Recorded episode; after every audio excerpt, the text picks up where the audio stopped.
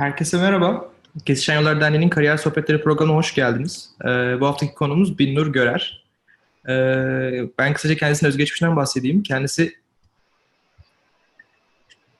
e, kendisi Boğaziçi Üniversitesi Bilgisayar Mühendisliği Bölümü araştırma görevlisi olarak e, 2011 yılında lisans derecesini almıştır. 2013 yılında çevre destekli yaşama ortamlarındaki yaşlı kişiler için geliştirilmiş egzersiz eğitimli robotu başlıklı çalışmasıyla yüksek lisansını tamamlamıştır devam, devam etmekte olduğu doktora programında sosyal robotlar ve insan-robot etkileşimi üzerine konularda çalışmaktadır.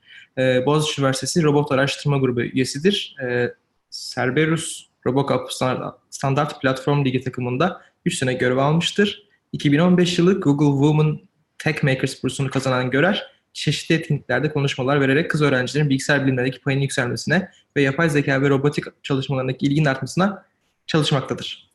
Ee, hoş geldiniz. Atladığım bir şey oldu mu bu arada?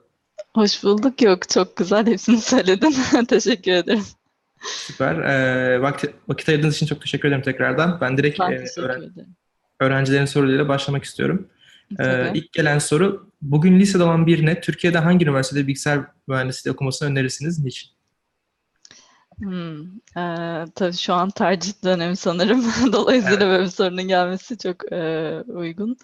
E, yani şöyle, geçen e, hatta bir arkadaşımla da bunu konuşuyordum. E, bilgisayar mühendisliğinde iyi bir e, öğrenci olarak mezun olabilmek aslında çok çok bir, yüksek bir oranda size kalmış. E, yani şöyle tabii ki verilen eğitim çok önemli. E, aldığınız dersler, e, işte hangi hocalardan aldığınız çok önemli ama e, bilgisayar bilimleri ve bilgisayar mühendisliği çok çok e, geniş bir e, ve aktif bir alan şu an için. E, en önemlisi kendinizi sürekli geliştirmeniz, konulara işte ilgi duymanız, e, yani ödevlerin ve derslerin dışında sürekli olarak bir şeyler yapmaya çalışmanız vesaire vesaire. Ama e, yine de nerede okumalı diye bir soru geldiğinde yani üniversite adı vermek tabii ki hani bilinen e, işte Boğaziçi, ODTÜ, Sabancı, Bilkent, Koç yani atlamak istemiyorum. E, iyi üniversitelerimiz zaten var. Bunların bilgisayar mühendisliği bölümleri gerçekten iyi. E, önemli olan şeylerden biri bence eğitim dilinin İngilizce olması. Çünkü e, bilgisayar mühendisliği e, ne Türkçe okumak hem zor hem de biraz kafa karıştırıcı olsa gerek diye düşünüyorum. En azından gördüğünüz tüm terimler ve e, kullandığınız işte programlama öğrenirken kullandığınız tüm e, terimler, işte kavramlar İngilizce. E, dolayısıyla onlar Türkçeleştiği zaman e, biraz zorluk yaşanıyor. Hani tabii ki şunu demek istemiyorum. Bunlar Türkçeleşecek. Yani yavaş yavaş oluyor. Şu an bununla ilgili e, bir e, farkındalık ve bilinç de var aslında. Akademisyenler de bu konuda bir şeyler yapmaya çalışıyorlar ama e, işte siz öğrenci zamanında işte Türkçe kavramlarla bir şeyler yapıp aratma, İngilizce bir şeyler sonra aratmaya çalıştığınızda e, Google'da işte sorunuz var, onu bulmaya çalışıyorsunuz vesaire. E, çok zorlandıklarını ben e, işte Türkçe eğitim alan arkadaşlardan duyuyorum. En büyük dezavantajı bu. E, onun dışında bence en önemli dikkat edilmesi gereken şeylerden biri e, yine programların içeriği yani o derslere bir bakılmalı. E, hangi diller öğretiliyor belki buna bakılmalı. E, yani sanmıyorum şu an çok çok eski ya da işte outdated e, dilleri öğreten artık e, üniversiteler kalmış olsun ama e, bir ihtimal bu da göz e, önünde tutulmalı. Ama onun dışında dediğim gibi yani Türkiye'nin e, iyi üniversiteleri sayabileceğimiz yerlerdeki bilgisayar mühendisliği eğitimi gerçekten iyi. Bu sorunun devamı olarak benzer bir soru var. Ee, siz eğitiminiz için neden Boğaziçi Üniversitesi'ni seçmiştiniz? Ee, üniversite seçerken neleri, yani Boğaziçi'ni seçerken sizin için en önemli etken faktör ne, ne olmuştu? Ee, şöyle, ben öncelikle e, İstanbul'da olmasını istiyordum. Bu ilk faktörlerden biri olmuş oldu. E, sonrasında da e, vakıf üniversitelerinden ziyade devlet üniversitelerine daha samimi bakıyordum. E, ve bunlar arasında düşündüğüm zaman e, Boğaziçi'nin bu çeşitliliği, işte e, kültürel e, yapısı insanı çok zenginleştiren bir ortamı var. E, bunlar beni çok etkiledi. E, açıkçası en önemli nedenlerden biri bu oldu. Onun dışında e, yani tabii ki her şeyi bilerek gel- gelemiyorsunuz. Hani hocaların e, ne kadar iyi olduğunu ya da işte ders programının nasıl ne kadar iyi olduğunu bir süre sonra kavruyorsunuz. E, ve en önemli şeylerden biri tabii ki e, öğrenci kalitesi. Yani o da çok önemli bir şey. Eğer işte siz e, beraber olduğunuz sınıf arkadaşlarınız e, içerisinde zaten belli bir e, çıtayı yüksek tutmaya çalışan insanlar varsa siz de o çıtayı yakalamaya çalışıyorsunuz ve dolayısıyla hep beraber daha iyi oluyorsunuz. E, bu önemli şeylerden, yani önemli kriterlerden biriydi benim için. Dolayısıyla Boğaziçi'ni e, o şekilde tercih ettim sanırım. Yani çok eskide kaldım ama yani düşündüklerim bunlardı. Teşekkürler cevabınız için. Ee, sıradaki soru Google Women Tech Makers bursunun kapsamı nedir? Açıklayabilir misiniz? E, tabii Google Women Tech Makers bursu eski adıyla Google Anita Borg bursuydu. E, bilgisayar bilimlerinde kadın öğrencilerin e, daha çok yer almasını sağlamak için verilen bir burs aslında. Şöyle, e, bu burs bu alanda başarılı, e, işte rol model olabilecek insanlara veriliyor ki e, çevrelerini de etkileyebilsinler ve bir zincir halkası oluşturularak daha çok insana bu işte kadın kadınlar da bilgisayar mühendisliğini yapabilir, kadınlar da bilgisayar bilimlerinde çok iyi işler yapabilir, işte azınlıkta kalınmamalı gibi e, telkinleri çevresine verebilsinler amacıyla yap, yapılmış e, bir program ve burs. E, çok prestijli ve gerçekten networking açısından çok faydalı.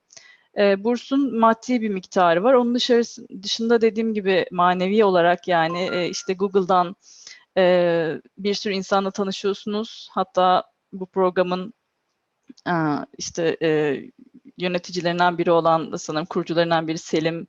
E, Selim'le de ben bu burs sayesinde tanışmıştım. O o zaman Google'da çalışıyordu ve işte ben bu bursu kazandığım zaman benimle iletişime geçmişti. Yani dediğim gibi networking açısından oldukça iyi ve faydalı bir burs. Eğer e, bilgisayar bilimlerini gerçekten seviyorsanız ve bu alanda yaptığınız güzel projeler varsa kesinlikle başvurmaktan çekinmeyin. E, yani ama kadın öğrencilere açık bir burs ya da işte kendini kadın olarak e, identify eden kişilere açık bir burs. Kriterlerini zaten bakabilirsiniz web sitesinden. Tüm kriterleri yazıyor. E, o şekilde. Teşekkürler. Ee, tekrar bunun devamı bir soru var. Sizce Google Women Tech Makers bursunu kazanmanızı sağlayan e, başarılarınız nelerdi? E, bu bursu kazanmanız size sağladığı en büyük fayda ne oldu? Başvurmak isteyenlere önerileriniz nelerdir? E, bu bursu kazanmamdaki bence en önemli şeylerden biri akademik başarı. Yani bilgisayar bilimlerindeki başarıydı. Bu da ben e, zaten şey yapıyorsunuz işte başvuru sırasında iki aşamalı bir başvuru var. Önce e, bir e, başvuru formu var onu dolduruyorsunuz. Orada işte 8 sayfalık yaklaşık 8-10 sayfalık bir essay yazıyorsunuz ayrıca. O essayde e, 4 tane soru soruluyor size. Onları şu an söylemem e, etik değil yani gizli kalması gerekiyor ama temelde soruların e, kapsamı işte bilgisayar bilimlerini siz başka insanlara nasıl en güzel şekilde tanıtırsınız, başka kız öğrencilere nasıl en güzel şekilde tanıtırsınız, yayarsınız, bununla ilgili fikirlerinizi ve görüşlerinizi alıyorlar. E, bu konuda öncelikli olarak biraz farklı ve e, etkili şeyler yazmanız önemli bence burs kazanmak için. Bir diğeri de orada bir akademik başarı ya da işte bilgisayar bilimlerinde yaptığınız bir proje e, gerçekten etkileyici ve insanların ilgisini çekmiş, teknolojide bir küçük de olsa bir taş koyduğunuz bir projeyi anlatmanızı bekliyorlar. Ben orada da master'da yaptığım çalışmamdan bahsetmiştim. E, bence bunlar etkili oldu ve yani Türkiye gibi bir yani Türkiye'de diyeyim ya da işte şu an e, çok yüksek teknolojiyle ilgili şeyler yapılmayan bir yerde yapay zeka ve robotik çalışıyor olmak da onları etkilediğini düşünüyorum. E, ama tabii ki şey değil, e, grad seviyesinde yani grad öğrencilerine açık bir burs değil. E, siz lisanstayken de başvuru biliyorsunuz. Eğer lisansta da yaptığınız çok güzel projeler varsa bu stajda çıkardığınız bir proje olabilir. Kendi yaz e, döneminde çıkardığınız bir proje olabilir ya da derste yaptığınız bir projeyi e, ilerletirsiniz, genişletirsiniz. E, öyle bir proje olabilir. Onları da sunabilirsiniz. Kesinlikle yani doktora seviyesinde olmanıza gerek yok. Hatta diğer ülkelerden e, bu arada ya, e, Orta Doğu şey pardon Avrupa, Orta Doğu ve Afrika bölgesi için bir burs programı var. Amerika için ayrı, Uzak Doğu için ayrı. Ben işte Orta Doğu, Afrika ve Amerika için alana başvuruyorum. Ülke Türkiye'de olduğum için başvurmuştum. E, yaklaşık 30 kişi alınıyor yılda. 30 kişiye bu burs veriliyor. E, ve diğer ülkelerdeki Türkiye'den sadece ben vardım o zaman. Yani her sene ya sıfır ya bir oranında oluyor maalesef. O yüzden çok daha fazla öğrencinin başvurmasını istiyorum. Çünkü insanlar hem çok bilmedikleri için hem de kendine güvenmedikleri için başvurmuyor bu bursa ama e, diğer öğrencilerin kazanan insanların profillerine de baktığımızda e, hani buradakilerin bir eksiği ya da yani yap yapılamayacak bir şey yok. Sadece başvurun deneyin. E, çok fazla faydasını göreceksiniz. Sorunun zaten devam herhalde faydası değil mi? Ben ne Evet. kazandım bu burstan. Ee, dediğim gibi maddi bir e, yanı var. Öncelikle kendi kariyerinizde de kullanabilirsiniz, özel hayatınızda da kullanabilirsiniz. Onunla ilgili bir e, şey koymuyorlar, sınır koymuyorlar. Size verilen bir ödül aslında. Onun dışında e, manevi olarak e, öncelikli olarak işte bu e, Women Tech Makers Network'üne giriyorsunuz. Yani bu alanda çalışan işte CS'de, Computer Science'da, Computer Engineering'da başarılı kadın e, öğrencilerin, e, akademisyenlerin, endüstride çalışan insanların oluşturduğu networkler var. Buralara katılıyorsunuz ve e, ondan sonra zaten önünüz daha da çok açılıyor aslında. Mesela ben oradan sonra Grace Hopper konferansına gitmeyi e, gi- gitme şansını buldum geçen sene. Grace Hopper'dan da birazcık bahsedeyim. O da e, her sene Amerika'da düzenlenen ve yaklaşık 15 bin, 16 bin e, kadın e, CS öğrencisinin katıldığı öğrenciyle kısıtlamayayım öğrenci akademisyen yine iş dünyasına endüstriden gelen çok insan var. E, yani Women in CS olarak şey yapabiliriz, adlandırabiliriz.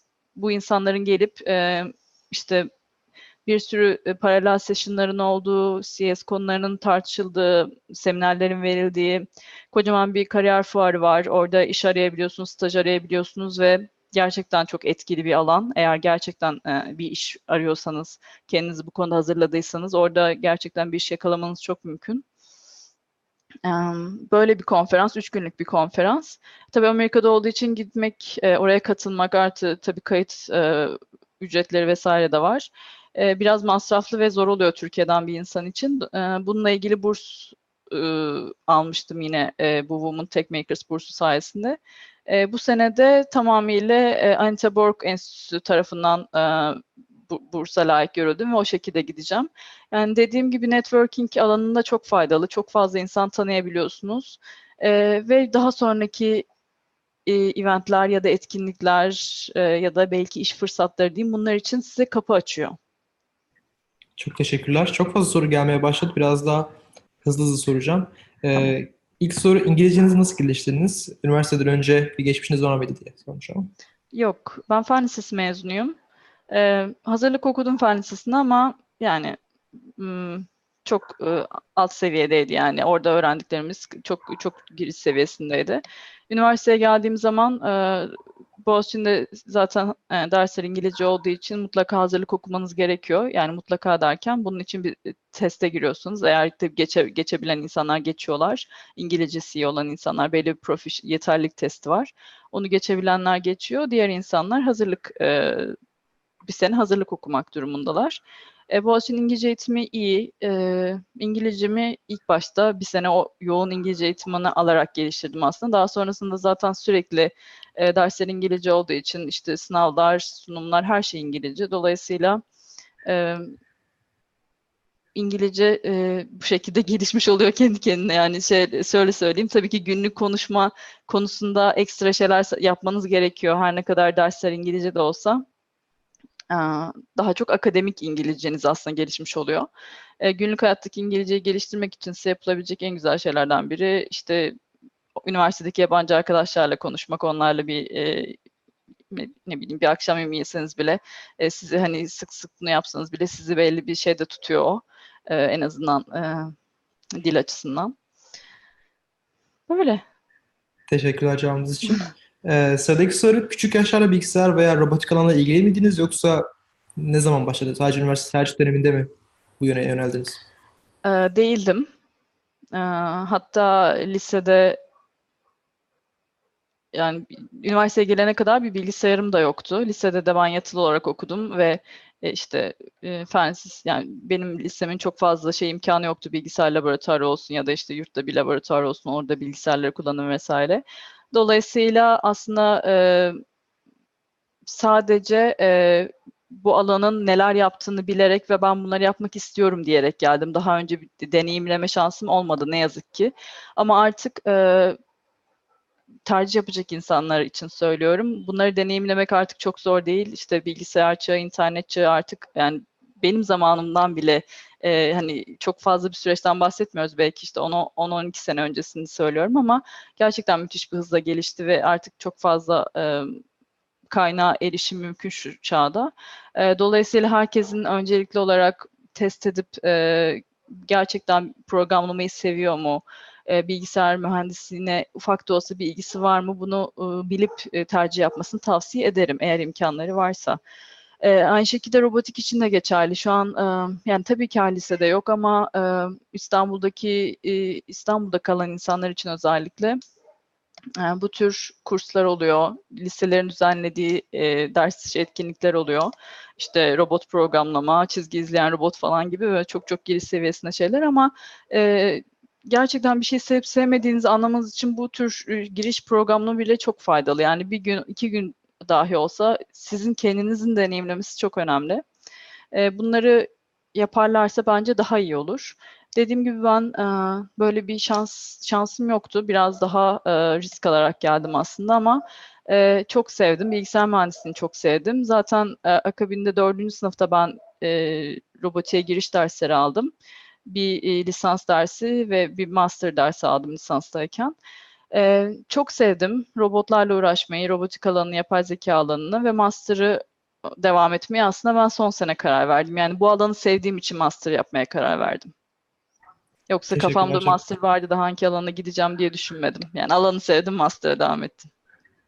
Teşekkürler cevabınız için. Sıradaki soru robotik alanında ilerlemek isteyen öğrenciler hangi programlama dillerine yönelmeliler? Hangilerini öğrenmeliler?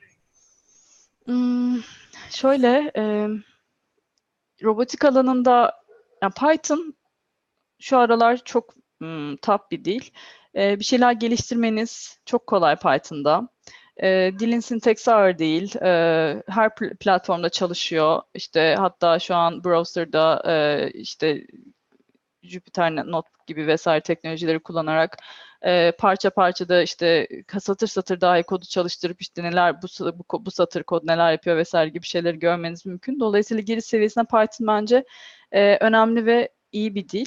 E, ama robotik uygulamaları geçtiğimiz zaman C, C++ gibi e, dilleri mutlaka e, öğrenmek ve o dillerde yazmak gerekiyor. Çünkü robotik uygulamalarda efficiency çok önemli. Yani siz robot üzerine kısıtlı bir mimaride, donanımda bir şeyler yazmaya çalışıyorsunuz, uygula, uygula, şey, algoritma geliştirmeye çalışıyorsunuz. E, dolayısıyla en azından kullandığınız dilin size ekstra e, overhead getirmemesi, bir yük getirmemesi gerekiyor. E, performans açısından kıyasladığımızda da yani runtime açısından diyorum e, C++ mesela daha efficient bir dil Python'a göre ve object oriented olduğu için de yazmak daha kolay C'ye oranla. E, benim temelde kullandığım iki dil C++ ve Python. Teşekkürler cevabınız için. Sıradaki soru robotik alanda yazılım kısmı mı daha önemli yoksa elektronik hardware kısmı mı daha önemli? Em, İkisi aslında tamamıyla e, iki ayrı dalı robotiğin. E, şöyle elektronik tarafında ve makine tarafında, makine mühendisi tarafında robotun e, donanımının ve mimarisinin geliştirilmesi, yapılması, tasarlanması tarafı var. E, biz aslında yapay zeka tarafında çalıştığımız için bilgisayar mühendisleri olarak e, orası bambaşka bir dünya. Yani ikisi de ayrı araştırma alanı zaten e, siz bu alanda bir şeyler yapıyorsanız ikisinden birini seçiyorsunuz. Yani ikisini birden yapmak e, çok mümkün değil. Şöyle yani şu nedenle e, çok fazla gerçekten uzmanlık gerektiren, çok fazla derin bilgi gerektiren alanlar. Birini seçmek ve konuda uzmanlaşmak çok daha iyi. İkisini birden yapacağım derseniz daha e, yetersiz bir sistem ortaya çıkarırsınız. Teşekkürler. Ee, sıradaki soru akademik hayatı öğrencilere tavsiye ediyor musunuz? Ee, akademik hayatı nerede olduğuna göre değişir ama e, yani şöyle tavsiye ediyorum diyebileceğim bir durum değil. Akademik hayat gerçekten e, yapabilecek insanların seçmesi gereken bir e, yol. Çünkü e, hem po- pozitif yanları var hem negatif yanları var. Ya bana göre güzel. e, insanın kendini yani 4 senede insan kendini en azından çalışmak istediği alanda çok çok fazla geliştiremiyor gibi geliyor bana.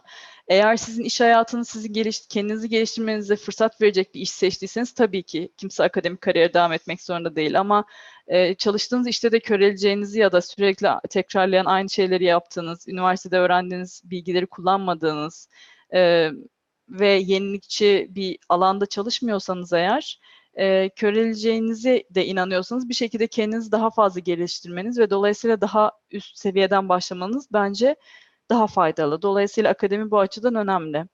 E, tabii ki işin bir de şey tarafı var. Yani akademisyen olarak devam etmek isteyen insanlar olabilir. Burada da en önemli şey gerçekten öğretmeyi, işte öğrendiğiniz bilgiyi birilerine aktarmayı seviyor musunuz? Bunu e, gerçekten sevip sevmediğinizi bilmek çok önemli. Çünkü mesela çok iyi hocalar var. Research çok iyi yapıyorlar araştırmayı ama e, ders vermek onlara yük gibi geliyor. Ve dolayısıyla e, işte akademik hayatın negatif yanı olarak bunları söylüyorlar.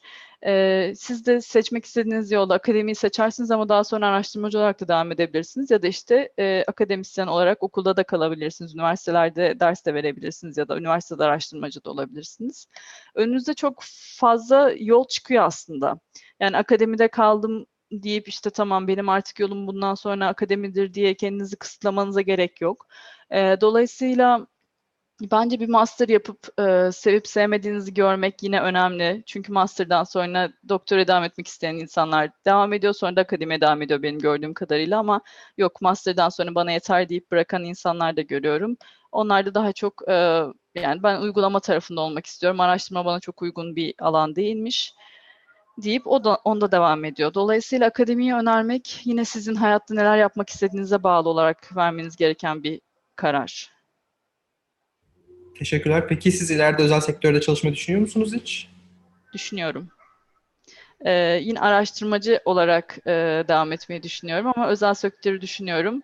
Ee, yani bu konuda da tabii yurt dışı çok daha fazla imkan sunuyor. Maalesef Türkiye'de özellikle robotik alanında e, araştırmacı olarak çalışabileceğim e, şirket yok. E, çok çok kısıtlı pozisyonlar biliyorum. E, yani dolayısıyla evet yurt dışı daha çok şey sunuyor ve orada e, devam etme gibi bir opsiyon var şu an önümde. Teşekkürler. Sıradaki soru birkaç farklı şekilde birkaç farklı kişiden gelmiş. O yüzden e, birleştirmeye çalışacağım. Robotiğe ilgili biri. E, şimdi bunun elektronik yanı var, yazılım kısmı var, bir de makine kısmı var. E, hangisini yönelmesi gerektiğini nasıl anlayabilir? Veyahut da hangisini daha çok sevdiğini nasıl anlayabilir? Hangisi daha önemli veyahut da hangisi daha popüler mi diyeyim artık? Hı hı. Ee, şöyle, e, öncelikli olarak zaten sizin uzmanlığınız önemli. Yani e, eğer bir lise öğrencisiyseniz bu soruyu soruyorsanız e, tabii ki bu seçmeniz gereken lisans e, dere, lisans e, programını etkiler. E, ama işte lisanstaysanız ve daha sonrasında neye devam edeyim diye düşünüyorsanız e, bence işte yapay zekaya devam etmek istiyorsanız zaten bilgisayar mühendisliği background'u önemli olacak. İşte e, ya da e, robotun tasarımı ile ilgili bir şeyler yapmaya çalışıyorsanız makine mühendisliği bilgisi gerekli olacak. E, ya da işte robotun e, elektronik tasarımı ile ilgili bir şeyler yapacaksınız da elektronik bilgisi önemli olacak ve dolayısıyla o seviyeden sonra zaten e, siz hangi uzmanlığa sahipseniz orada devam etmeniz bence daha uygun gibi geliyor bana. Ama daha e, alt seviyelerde ben robotiği seviyorum ama neresini seviyorum diye düşünüyorsanız e, makine ve elektronik ayrımını yapmak e, şu şekilde diyebilirim. E, makinede daha çok e, kullan yani ele, makine mühendislerinin elektronik şey e, robotik alanında en çok çalıştıkları nokta şu oluyor işte robotun tasarımı nasıl olmalı? Bir fonksiyon, bir requirement list verildi mesela işte o kişiye. E, ben robotun şu hızda gitmesini istiyorum, şu kiloda olmasını istiyorum, kollarının işte şu yükseklikte olmasını istiyorum ama bunlar nasıl mümkün olacak, nasıl takılacak, nerelere konacak? Bu tür hesaplamaları yapıp işte robotun iskeletinin yapılma kısmında makine mühendisliğinin e, uzmanlığı gerekiyor. E, elektronik kısmında ise işte bu arada biz de yani bilgisayarcı olarak Robot Lab'ında şu an bir robot yapıyoruz. Ee, yine aynı şekilde çok çok çok ilgili bir arkadaş var aslında. En çok onun sayesinde oluyor. Çünkü donanım alanında bir şeyler bilmek için elinizi çok fazla e, kirletmeniz gerekiyor. Yani çok fazla işte komponent alacaksınız, deneyeceksiniz, onun nasıl çalıştığını öğreneceksiniz. Farklı farklı bir sürü board var hangi board en iyi olabilir sizin için işte pil performans vesaire bunlara bakıyorsunuz. Ee, bu zaten bahsettiğim şey tamamıyla işte küçük küçük komponentler alıp birleştirmekten geçiyor. Eğer tabii ki kendi board'unuzu yapacaksınız vesaire burada elektronik bilgisi mutlaka gerekiyor. Elektronik uzmanlığı ben şu an bir bilgisayar mühendisi olarak bunu yapamam. Ee, eğer tap olmasından bahsediyorsak ya da işte böyle çok çok elinizin altında bir şey olmasa da sadece bir bilgisayarım olsun çok çok şey yaratayım diyorsanız yapay zeka tarafı bence e, önü çok açık bir şey şu an. Çok, çok açık bir alan şu an için. E, işte kendiniz algoritmalar geliştirebilirsiniz, uygulamalar geliştirebilirsiniz. E, robota ihtiyacınız yok bu arada yapay zeka uygulamalarınızı test etmeniz için. Çok e, iyi simülatörler var, robot simülatörleri var. E, siz uygulamanızı yazdığınız şeyi o robotun işte simülatör üzerine test edip gerçekten belli bir başarı elde edip edemediğini de görebiliyorsunuz. Yani ben bilgisayarcı olarak yapay zeka tarafını daha eğlenceli ve gelişmeye açık görüyorum. Ama tabii ki elektro bu yani robotun yapımı ya da işte robot yani physical robot tarafında çalışan insanlara sorduğunuzda onların söyleyeceği farklı şeyler olabilir. E, tamamen uzmanlığım olmadığı için çok fazla bir şey söylemek istemiyorum o alanda. Teşekkürler cevabınız için. Sıradaki soru da yine farklı, iki farklı şekilde gelmiş. Ee, biri şey diyor, mesela kimya mühendisiyim, kendimi program, programlama alanında nasıl geliştirebilirim demiş. Bunu şey olarak genelleyebilir işte, başka bölümlerdeki insanlar programlamaya nasıl girebilir, nasıl öğrenebilir? Çünkü başka biri de e, Udemy gibi kurslardan programlama öğrenilir mi gibi sormuş. Siz, siz ne düşünüyorsunuz bu konuda? Öğrenilir. Bence programlama öğrenmek için e, bir, e, bir lisans e, dersi almanız ya da işte lisans programından okumanız şart değil. E, programlama computer bilim yani computer science'in bilgisayar bilimlerinin ufak bir yanı çünkü. E, programlamayı öğrenirsiniz ama daha sonra bilgisayar mühendisliğinin araştırma alanında o kadar çok şey var ki işte networking olsun, e, görüntü işleme olsun, işte e, speech recognition e, vesaire vesaire çok fazla alt alanı var ya da işte security var, güvenlik var vesaire. E, bunlar için bir şeyler yapmaya çalıştığınızda bilgisayar mühendisliği okumanın faydalarını göreceksiniz. Ama onun dışında programlama seviyesinde ben programlamayı öğrenmek istiyorum. Mesela kimya mühendisi olan arkadaş işte onların kullandığı bir sürü yazılım var. Kendi deneylerinin işte sonuçlarını takip ettikleri vesaire. Hani niye ona benzer bir programı kendi yazamasın? Gayet de yazabilir. Bu çok e, zor ve erişilmez bir şey değil. Şu an çok fazla e, açık kaynak kod, açık kaynak kod var kullanabilecekleri. E, görebileceklerinizden kod okumak, kodu e, sizin kod geliştirme e, becerinizi gerçekten geliştiren bir şey. Ee, onlara bakabilirsiniz. işte mevcut kodlara bakabilirsiniz. Bu kod yani nasıl yazılmış, nasıl olmuş ama en giriş seviyesinde zaten e, Udemy olsun, Udacity olsun, Coursera olsun e, çok fazla e, Introduction to Programming adı e, adında bir sürü ders var. E, bunları alarak da programın temellerini görebilirsiniz. Sonrasında yine e, herhangi bir laptop laptopta e, giriş seviyesindeki yapabileceğiniz bir sürü programlamayı, testi vesaireyi de yapabilirsiniz. E, kesinlikle bir sınırı yok. Bence zaten programlama hani okuma yazma gibi bir şey olacak belli bir süre sonra. E, illa bilgisayar mühendisinin bilmesi gereken bir şey değil. E, temel seviyede bir sürü e, mühendislik bilimlerinin ya da isteyen herkesin öğrenebileceği illa sosyal bilimlerden bir insan da öğrenebilir bu arada. Hiç e, böyle bir constraint yok bence e, yani sayısal bir bilgi olması gerekiyor gibi bir şey yok. E, onların da öğrenebileceği bir şey diye düşünüyorum. Programlama herkese açık bir şey. Ve hele bir kimya mühendisi çok rahat e, kendini bu alanda geliştirebilir. Teşekkür ediyorum cevabınız için. Sıradaki soru bir şey merak ediyorum. Herkesin dilin robotik, robot endüstri 4.0 e, dolanıyor ama Türkiye'de robotik alanı 6 eksen fonu KUKA, ABB ve benzeri robotlar mı yoksa şu an Türkiye'de robotik denince neler yapılıyor diyorsun yani diye sormuş. Ee, Türkiye'de robotik denince şu an yapılan şeylerden biri savunma sanayinde yapılan çalışmalar var. Ee, otonom kara aracı, hava aracı geliştirme üzerine çalışmalar var. Ama derinlerini çok bilmiyorum, detaylarını çok bilmiyorum. Özellikle askeri projeler olduğu için zaten onlarla ilgili ne yayın yapılıyor ne de çok fazla bilgi e, paylaşılıyor. Onun dışında e, bir arkadaşımın çalıştığı yine şey var. Hollanda tabanlı bir şirket ama Türkiye'de geliştirme yapıyorlar. İşte Hollanda'da biliyorsunuz e, çok fazla çiftlik var. inek çiftlikleri var. Onların otonom hale gelebilmesi için robotları nasıl kullanırız e, gibi bir amaçları var şirketin ve e, otonom e, çiftlik robotu yapıyorlar aslında. Bunun geliştirmesini burada yapıyorlar. Testlerini oraya götürüp yapıyorlar. Türkiye'den de bir iki çiftlik sanırım mesela bu robotu istemiş. Ama tabii ki geliştirme aşamasında şu an yani sürekli e, deploy ediyorlar. Daha sonra tekrardan update'ler geliyor. E, o şekilde çalışmalar var.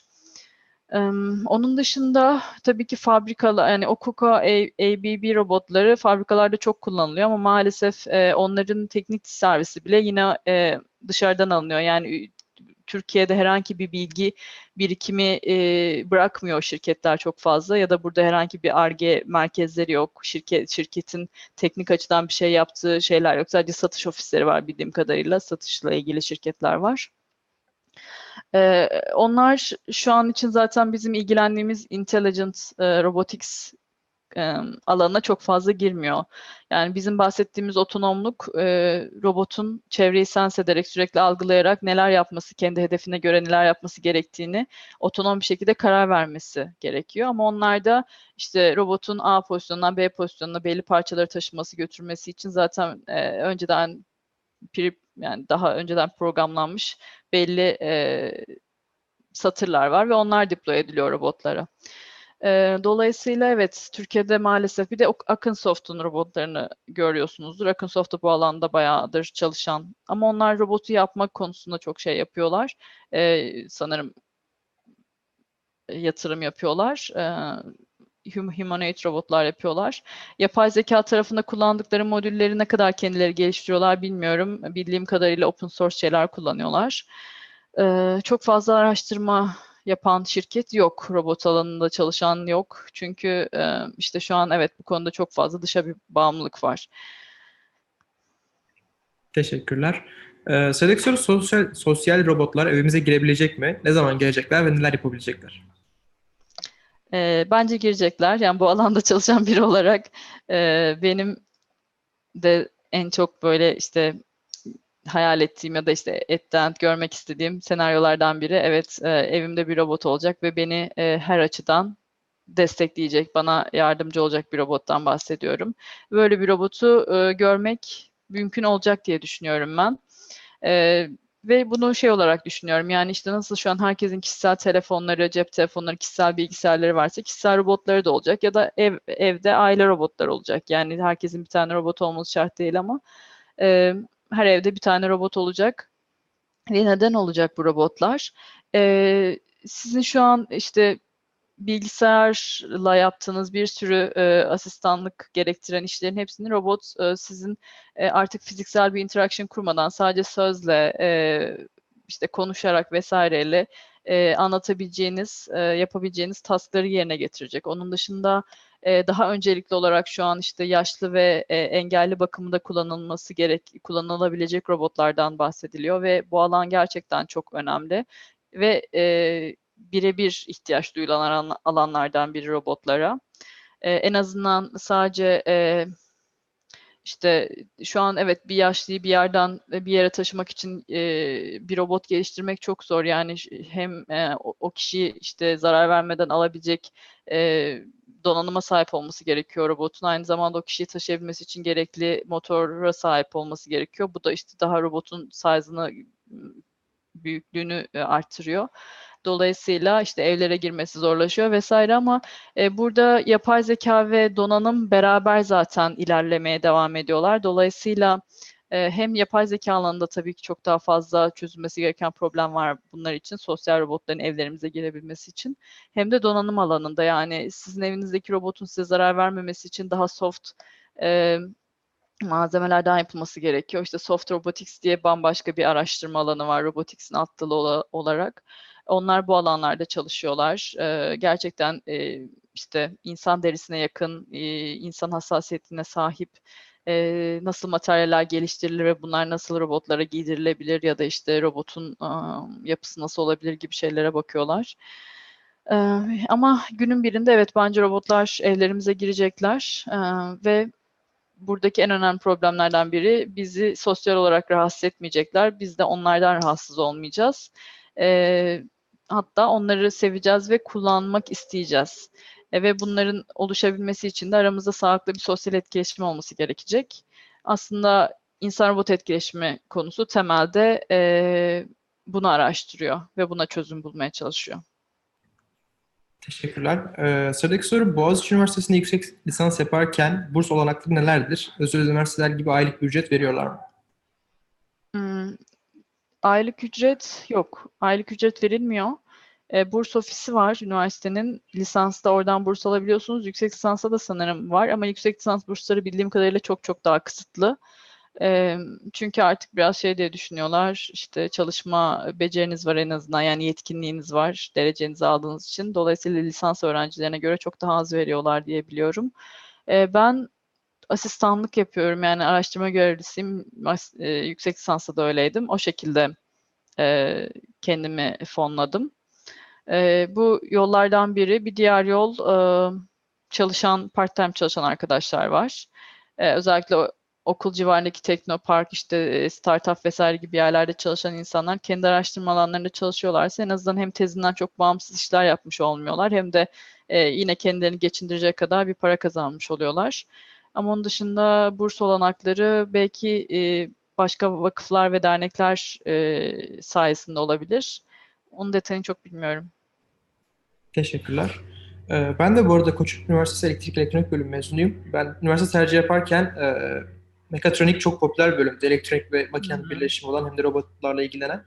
E, ama kimi insanlar diyorduk işte yani ya sadece elektronik oku, elektronikte çok iyi ol yani alanında uzmanlaş ya makine oku alanında uzmanlaş. Ama kimisi de sadece mekanik, mekatronik oku biraz daha ikisinden de bilgi alıp daha rahat girersin bu alanı diye düşünüyorlardı. Sizin bu konuda fikriniz nedir? Mekatronik mi yoksa makine, elektronik tarzı uzmanlaşma mı?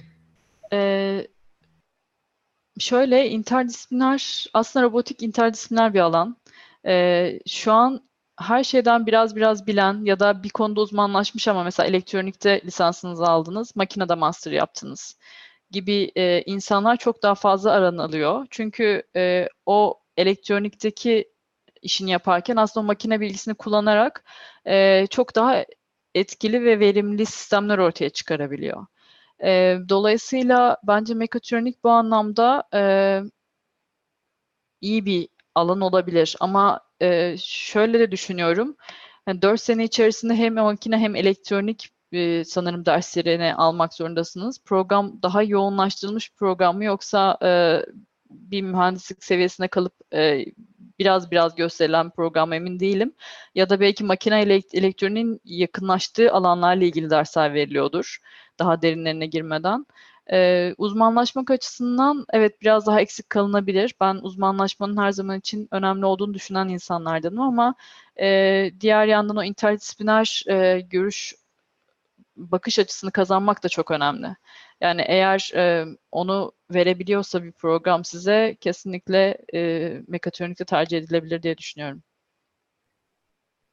Teşekkürler cevabınız için. Ee, sıradaki soru e, iyisiyle kötüsüyle robotik yolunda şu ana kadar birçok tecrübeniz olmuştur demiş. E, bu alanda ilgilenenlere şu an şunu kesinlikle yapın, şunu kesinlikle yapmayın diyebileceğiniz şeyler nelerdir? Hmm.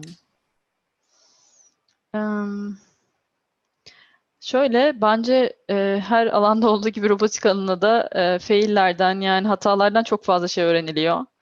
E, ben işte bunu en çok şeyde e, görmüştüm. Üç sene boyunca e, okulumuzun Boğaziçi'nin e, Robocup, Robocup bu arada uluslararası bir robot e, yarışması. Her sene işte bir ülkede düzenleniyor ve e, 10 bine yakın robotun, 2 bine yakın insanın geldiği e, bayağı e, geniş çaplı bir etkinlik.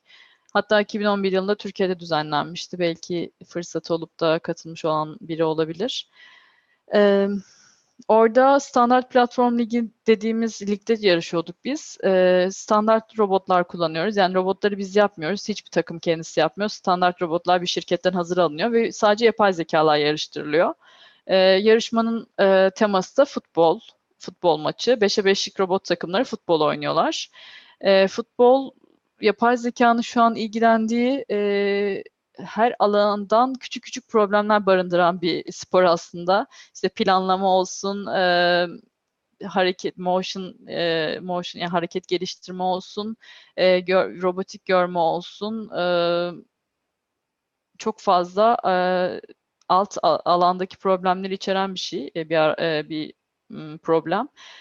Orada e, ben robotik görmeyle ilgili bir şeyler yapıyordum. Yani robotun işte kaleyi tanıması, topu tanıması, takım arkadaşlarının tanıması, çevreyi tanıması ve işte e, şu şuradadır, bu buradadır, ben şuna göre işte gol atacak şu şu pozisyona gitmeliyim gibi kararlar vermesiyle ilgili alanlara bakıyordum ve e, orada şeyi görüyorsunuz işte çok ufak e, çevresel değişimler yani mesela burada şahane çalışan bir sistem yapıyorsunuz işte ama e, gidiyorsunuz Brezilya'ya yarışmanın olduğu yere işte oradaki ışıkların durumu işte siz e, sanıyorsunuz ki tamamıyla kapalı bir ortamda e, işte eşit bir şekilde ışık gelecek ama öyle bir şey değil ışığın teki patlamış vesaire.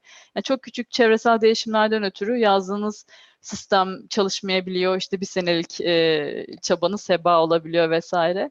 E, bir yandan çok acı ama bir yandan da çok öğretici oluyor bu tür şeyler. E, demek istediğim şu, e, robotik alanında böyle hemen ben bir ayda yapayım, ay her şey olsun bitsin demek mümkün değil. E, dolayısıyla yılmamak çok önemli. E, kesinlikle yapmayın dediğim şeylerden biri şu olacak, yılmayın. Yani en ufak bir hatada ya da failure'da yok tamam ben bunu beceremiyorum ya da bu benim yapabileceğim bir iş değilmiş demeyin. Üstüne gidin çünkü aslında o hatadan çok şey öğreniyorsunuz ve bir sonraki işte yaptığınız şeyden artık e, o hatayı da bilerek onu da işin içine katarak daha robust sistemler yaratabiliyorsunuz. E, kesinlikle yapın dediğim şeyde çok okuyun, çok araştırın ve e, sürekli kendi alanınızda çıkan yayınları, e, takip etmeye çalışın. E, çünkü çok özellikle yapay zeka tarafını yani ben o tarafta çalıştığım için biliyorum. E, robotin yapay zeka tarafının çok çok e, top bir alan şu an. E, çok fazla yayın çıkıyor. Çok fazla çalışan insan var dünyada. Dolayısıyla yaptığınız işin outdated olmaması çok önemli. Yani siz bir işte çalışıyorsunuz, kafaya görmüşsünüz ama dünyada ne olup bittiğini mutlaka bilmelisiniz. Ee, şey de değil ama işte ya benim yaptığım iş yapılmış diye bir şey yok her zaman için e, sizin yaptığınız için zaten bir ileri seviyesi olacaktır. Dolayısıyla siz hemen o tarafa doğru kaymaya çalışacaksınız. Yani research'ünüzü, araştırmanızı o şekilde yönlendirmeniz lazım. E, sürekli e, net e, robotçuların, robotics'te çalışan insanların e, networklerine girin, e-maillerini takip edin, e-mail listelerine katılın, e, konferansları takip edin ve e, up, yani e, onla, um, updated kalmak önemli. Teşekkürler. Sıradaki soru Türkiye'de şu an yapay zeka, machine learning alanlarında iş imkanları nelerdir? Ee, hı hı. Mezun kişiler ne iş yapabilir, ne, ne tür işler yapabilirler Türkiye'de? Yapay zekanın bir alt dalı olan e, machine learning tarafında işte e, data işleme tarafında çok fazla e, iş, iş pozisyonu var diye biliyorum. Özellikle artık e, banka IT'leri olsun, işte ellerine büyük veri olan e, şirketler olsun, e, işte iş e, proseslerini optimize etmek adına makine öğrenmesi, e, data science e, konularına ilgi gösteriyorlar ve bu alanlarda e, uzman kişileri bünyelerine almak istiyorlar. E, robotik alanına baktığımız zaman yani yapay zeka ve robotik alanında maalesef e, ben o tür iş ilanları çok fazla görmüyorum ya da karşıma çıkmıyor. Ee, daha çok işte yurt dışıyla bağlantılı yani yurt dışı temelli bir şirketin burada eğer bir argesi varsa o çok faydalı olabilir. Çünkü e, hem siz o taraftan bilgi alabilirsiniz hem burada lokalde bir birikim yaparsınız. Yani buradaki araştırma grubuyla bir şeyler üretmiş olursunuz. Ee, ama çok çok fazla bir e, pozisyonun olduğunu söyleyemeyeceğim. En azından e, benim gördüğüm ya da işte kendi aktif olarak katıldığım e-mail listelerinde vesairede e, konuşulan çok fazla pozisyon yok. Daha çok postdoc pozisyonlar olabilir ya da doktora öğrencisi arama e, pozisyonları var. Eğer bunu bir iş ilan olarak sayıyorsunuz. Teşekkürler. Ee, sıradaki soru.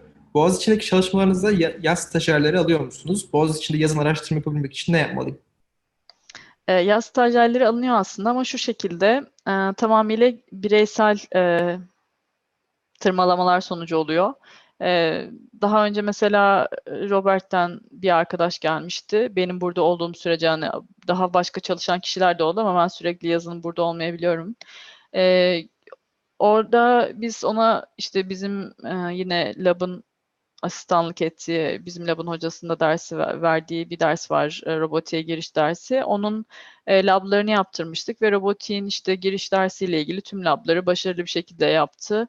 E, biz ona e, takıldığı yerde yardım ettik ama en önemli nokta kendinizin çok fazla çabalaması. Yani kimsenin burada işte size oturup bak bu şöyle şöyle oluyor gibi uzun soluklu bir e, eğitim vermesi mümkün değil. Çünkü herkesin kendi işi var dolayısıyla. E, hani bir staj programı gibi bir şey oluşturulmuyor. Sadece e, dışarıdan gelmek isteyen insanlar eğer labın hocası da onaylarsa, okeylerse e, burada da size yardım edebilecek yeterli sayıda insan olduğu takdirde tabii ki e, gelip çalışabiliyorsunuz. Teşekkürler. Sırada değişik bir soru var. Robotların duyguları olacak mı? Aa, evet. Yani olması olması için çalışıyorum. Ee, bu benim doktoradaki test konum aslında. Ee, robotların duyguları o as e, yani tabii ki şu an çok fazla akademik konuşmak istemiyorum ama şöyle bir durum. E, işte imo duygu e, süreçlerini şu an insanlarda nasıl işlediği de net olarak bilinmiyor.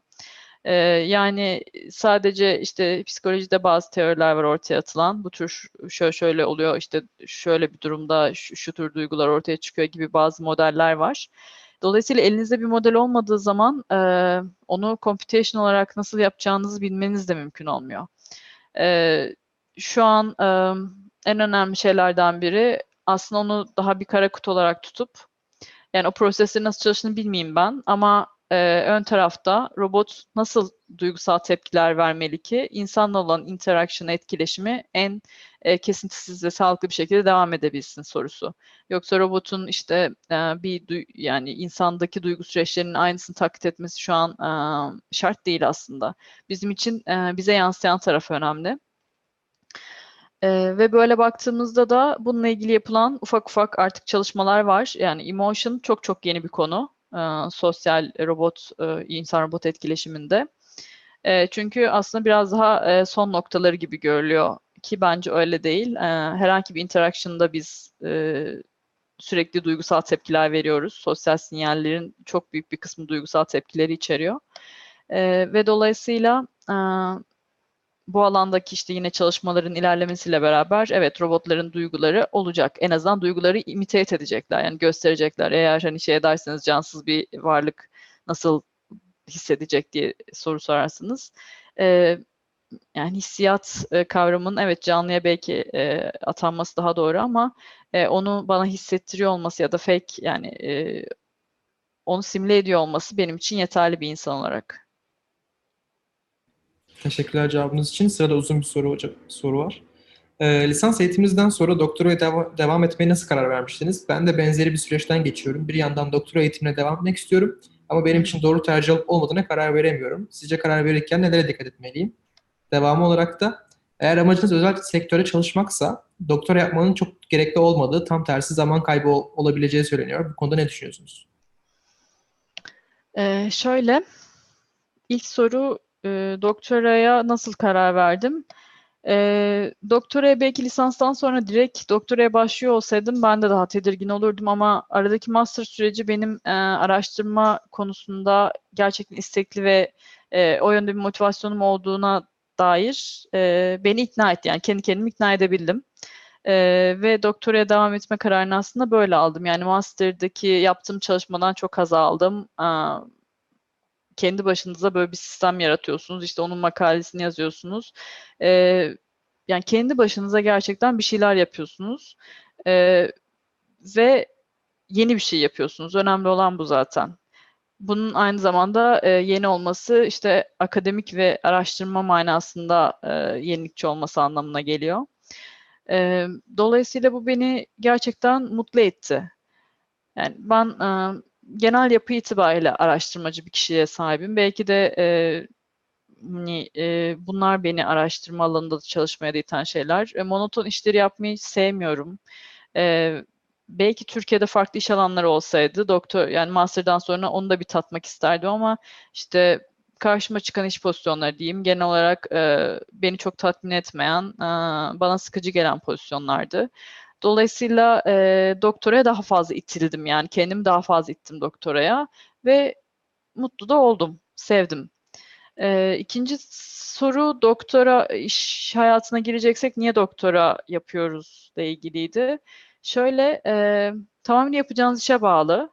Eğer e, dediğim gibi çalışacağınız iş e, atıyorum sadece Java teknolojileri bilmek üzerineyse yani Java yazacaksınız. Sizin önünüze zaten e, yazılması gereken tüm e, program, program çıkmış. Siz onun e, software engineering tarafında bir şeyler yapacaksanız eğer e, tamamıyla işte yapmanız gereken şey kendinizi mevcut teknolojiler üzerine geliştirmek, onları öğrenmek vesaire gibi şeylerse tabii ki akademide bunun yeri yok. Hatta tam tersi. Akademi sizi köreltir bu açıdan. Ona katılıyorum. E, çünkü siz akademide işte ya şu programın işte hangi sürümü çıkmış, hangi teknoloji çıkmış, işte şu an şununla bu uyumlu vesaire gibi şeylerin peşinden koşmuyorsunuz. Tam tersi e, elinizde bir problem var. Onu ben nasıl çözerim ve daha sonra da programlamayı kullanarak ben bunu nasıl proof ederim? Yani bu sistemi geliştirerek aslında kağıt üzerindeki sisteminizi proof etmiş oluyorsunuz bir, bir noktada. E, dolayısıyla o tür bir işte çalışmak istiyorsanız doktora gerekli değil. Tam tersi iş deneyiminiz e, sizin için daha iyi olabilir. Ama e, öyle de pozisyonlar ve e, alanlar var ki yani şu an evet Türkiye'de dediğim gibi çok fazla yok ama işte Microsoft, Google olsun, DeepMind olsun oralara gittiğiniz zaman e, siz lisanstan mezun olduğunuzda sahip olduğunuz bilgi birikimiyle oralarda herhangi bir pozisyonda yer almanız çok zor. Çünkü orada hala araştırma yapılıyor, araştırmaya devam ediliyor ve dolayısıyla sizin e, belli bir uzmanlık alanına, e, uzmanlık bilgisine ihtiyacınız var. Bunu alabilecek en güzel e, yolda yani araştırmanın nasıl yapılacağını öğreneceğiniz en güzel program da doktora. Dolayısıyla e, öyle bir programda çalışmak istiyorsanız, devamında öyle bir işte çalışmak istiyorsanız doktora şart diye düşünüyorum. Ki zaten hani onlar da doktorsuz insanlar almıyorlar. Teşekkürler. Ee, süremizin yavaş yavaş sonuna geliyoruz. Bundan sonra daha fazla soru almayacağım. Gelenleri iletiyorum. Ee, deminki duygular, robotların duyguları olacak mı devamı olarak robotlar insanlara kızabilecek mi? Ben bunu daha da ileriye götüreyim. Kızdığında sonumuzu getirecekler mi? Bir apokalips her zaman robotların dünyanın sonuna getirme evet, şeyi var. öyle bir senaryo var. Senaryosu vardır. ee, şöyle robotlar yani bu noktada aslında biraz etik problemler de işin içine giriyor. Robotlar insanlara kızmalı mı? Evet bence kızmalı. Yani eğer öyle bir ortam oluşuyorsa, durum robotun kızmasını gerektiriyorsa robot insana kızmalı. Ki dediğim gibi sağlıklı bir e, iletişim olsun aralarında. Çünkü kızmak da e, işte approve etmek kadar, onaylamak kadar e, sık hayatta kullandığımız ve karşı tarafı e, öğrenmesini teşvik ettiğimiz sinyallerden biri. Dolayısıyla robot insan, insan yani bir şey yanlış yaptı. E, robot insana kızmazsa ve en azından bu yöndeki e, tepkisini dile getirmezse, göstermezse aralarındaki iletişim ve e, learning, e, öğrenme döngüsü kırılacak ve bozulacak. E, bu açıdan baktığımda gerekiyor. Ama tabii ki işin diğer tarafında e, insanın manipüle edilmesi seviyesine de taşınabilir bu. Yani nasıl olur? Ee, işte siz e, öyle bir robot koyarsanız, depresif, sürekli size kızan, bağıran, çağıran bir robot koyarsanız bir süre sonra karşı tarafın psikolojisini bozmanız mümkündür. E, bu en basitinden işte Facebook'un e, skandal olan deneyiyle ilgili bir hafta sürekli negatif içeriklere maruz kalan insanlar o haftanın sonunda tekrardan negatif içerikler e, paylaşmaya devam ediyorlar. Çünkü neden? İnsan psikolojisi bu tür bu, bu, bu şekilde çalışıyor. Yani ne sinyaller aldığınız e, dünyadan çok önemli. E, bu açıdan baktığımızda da evet hani bunlar e, manipülasyona girdiği noktada nasıl e, en, engellenmeli? E, bunun kontrolleri nasıl olacak? Bu sorular maalesef şu an e, çok net değil. Yine araştırma problemleri olarak karşımıza çıkıyor. E, bunları e, satır satır belirlemek de çok mümkün değil. Yani robotun e, kızmasının gerekli olduğu durumlar da olacak, kızmasının yanlış olduğu durumlar da olabilir. Ama kızma gibi bir duygu robotu eklenmeli mi diyorsak, evet eklenmeli. Böyle bir yeteneği de olması gerekecek robotun. senaryo olarak düşündüğümüzde eğer insan seviyesine bir yapay zekaya erişirsek yani şu anda çok mümkün görünmüyor. Bence şu an için hani ya evet yapay zekada son 5-10 senede çok büyük e, gelişmeler var ama e, hala insan seviyesindeki bir yapay zekaya çok çok uzağız. Ben öyle olduğunu düşünüyorum. Ama bu mümkün değil diyemeyiz. Zaten desek hani bu alanda araştırma yapıyor olmayız. E, dolayısıyla e, eğer öyle bir seviyeye ulaşılırsa artık kendi kendine karar verebilen sistemler karşımıza çıkacağı için e, evet insanlarla çok da iyi geçinmeyen bir robot e, komünitesiyle karşı karşıya gelebiliriz bence. Teşekkürler cevabınız için. Ee, sıradaki soru bazı alanlarda bireysel çalışma, bazı alanlarda ise takım çalışması daha efektif olabiliyor. Robotik alanındaki durum nedir? Daha bireysel olarak mı çalışılıyor yoksa daha takım işi mi? Ee, aslında takım işi. Çünkü dediğim gibi multidisipliner bir alan robotik. Ee, ben mesela sosyal insan-robot etkileşimi alanında çalışıyorum ama benim e, bu alanda e, alanın kendi içerisinde mesela psikolojiden bir şeyler bilmeyi de gerektiriyor ya da bazen e, felsefi açıdan bir şeyleri sorgulamayı da gerektiriyor. E, Cognitive Science diye bir program var, bilişsel bilimler. E, robotiğe çok fazla e, katkısı olabilecek bir alan aslında. O kendi içinde tamamıyla multidisipliner bir alan. E, bu demek oluyor ki aslında kendi alanında uzman kişilerin bir araya gelerek ortaya çıkardığı sistemler çok daha verimli ve etkili oluyor. Yani e, biraz önce bahsetmiştik bir robotun tasarımı sırasında elektronikçi de olmalı, makinacı da olmalı, bilgisayarcı da olmalı e, kesinlikle. Ki yapılan çağ, proje çağlarına bakarsanız mesela bunlar çok fazla teşvik ediliyor. Siz e, sadece bilgisayarcı olarak ben bir robot yapacağım derseniz karşı taraf buna çok fazla güvenmiyor ve inanmıyor. E, multidisipliner bir alan olduğu için takım çalışması da e, daha etkili ve verimli ki bizim de kendi içerisinde yani biz e, doktora programında ya da işte master programında herkes kendi projesinden mesul ve sorumlu ama e, genele baktığımız zaman evet bir labımızın bir robotu var ya da işte ortak çalıştığımız robot platformları var. E, bir kişinin onda yaptığı herhangi bir e, component ben kendi deneyimde kullanabilirim. Mesela bir arkadaş işte konuşma modülü geliştirir. Ben onu e, yapacağım emotion'la ilgili bir deneyde robotun konuşması da gerekir. Ben onun modülünü kullanırım vesaire vesaire. E, siz zaten yaptığınız sistemi e, bir robotik sistemini baştan sona bir insana yapması mümkün değil. Dolayısıyla e, herkes birbirinin e, yaptığı çalışmayı da ufak ufak kendi çalışmasına katıyor. Bu tüm dünyadaki araştırma alanlarında da bu şekilde yani araştırma gruplarında da bu şekilde oluyor ya da şirketlerde de bu şekilde oluyor. Dolayısıyla takım çalışması daha e, verimli bence. Teşekkürler tekrardan. Ee, süremizin sonuna geldik. Vaktinizi ayırdığınız, için çok teşekkür ederim. Ee, sizin son olarak Türk öğrencilerine genel olarak bir tavsiyenizi alabilirsek yayını kapatırız. Ee, ben çok teşekkür ederim davet ettiğiniz için. Çok memnun oldum. Tavsiye e, çalışın. Bence en önemli şey gerçekten e, çok çok fazla çalışmamız gerekiyor. Yani olay sadece şeyde bitmiyor artık. Üniversite eğitiminde bitmiyor. Üniversite programında ya da o aldığınız dersleri tamamıyla iyi, iyi geçmeyle, bitirmeyle geç, e, yetmiyor.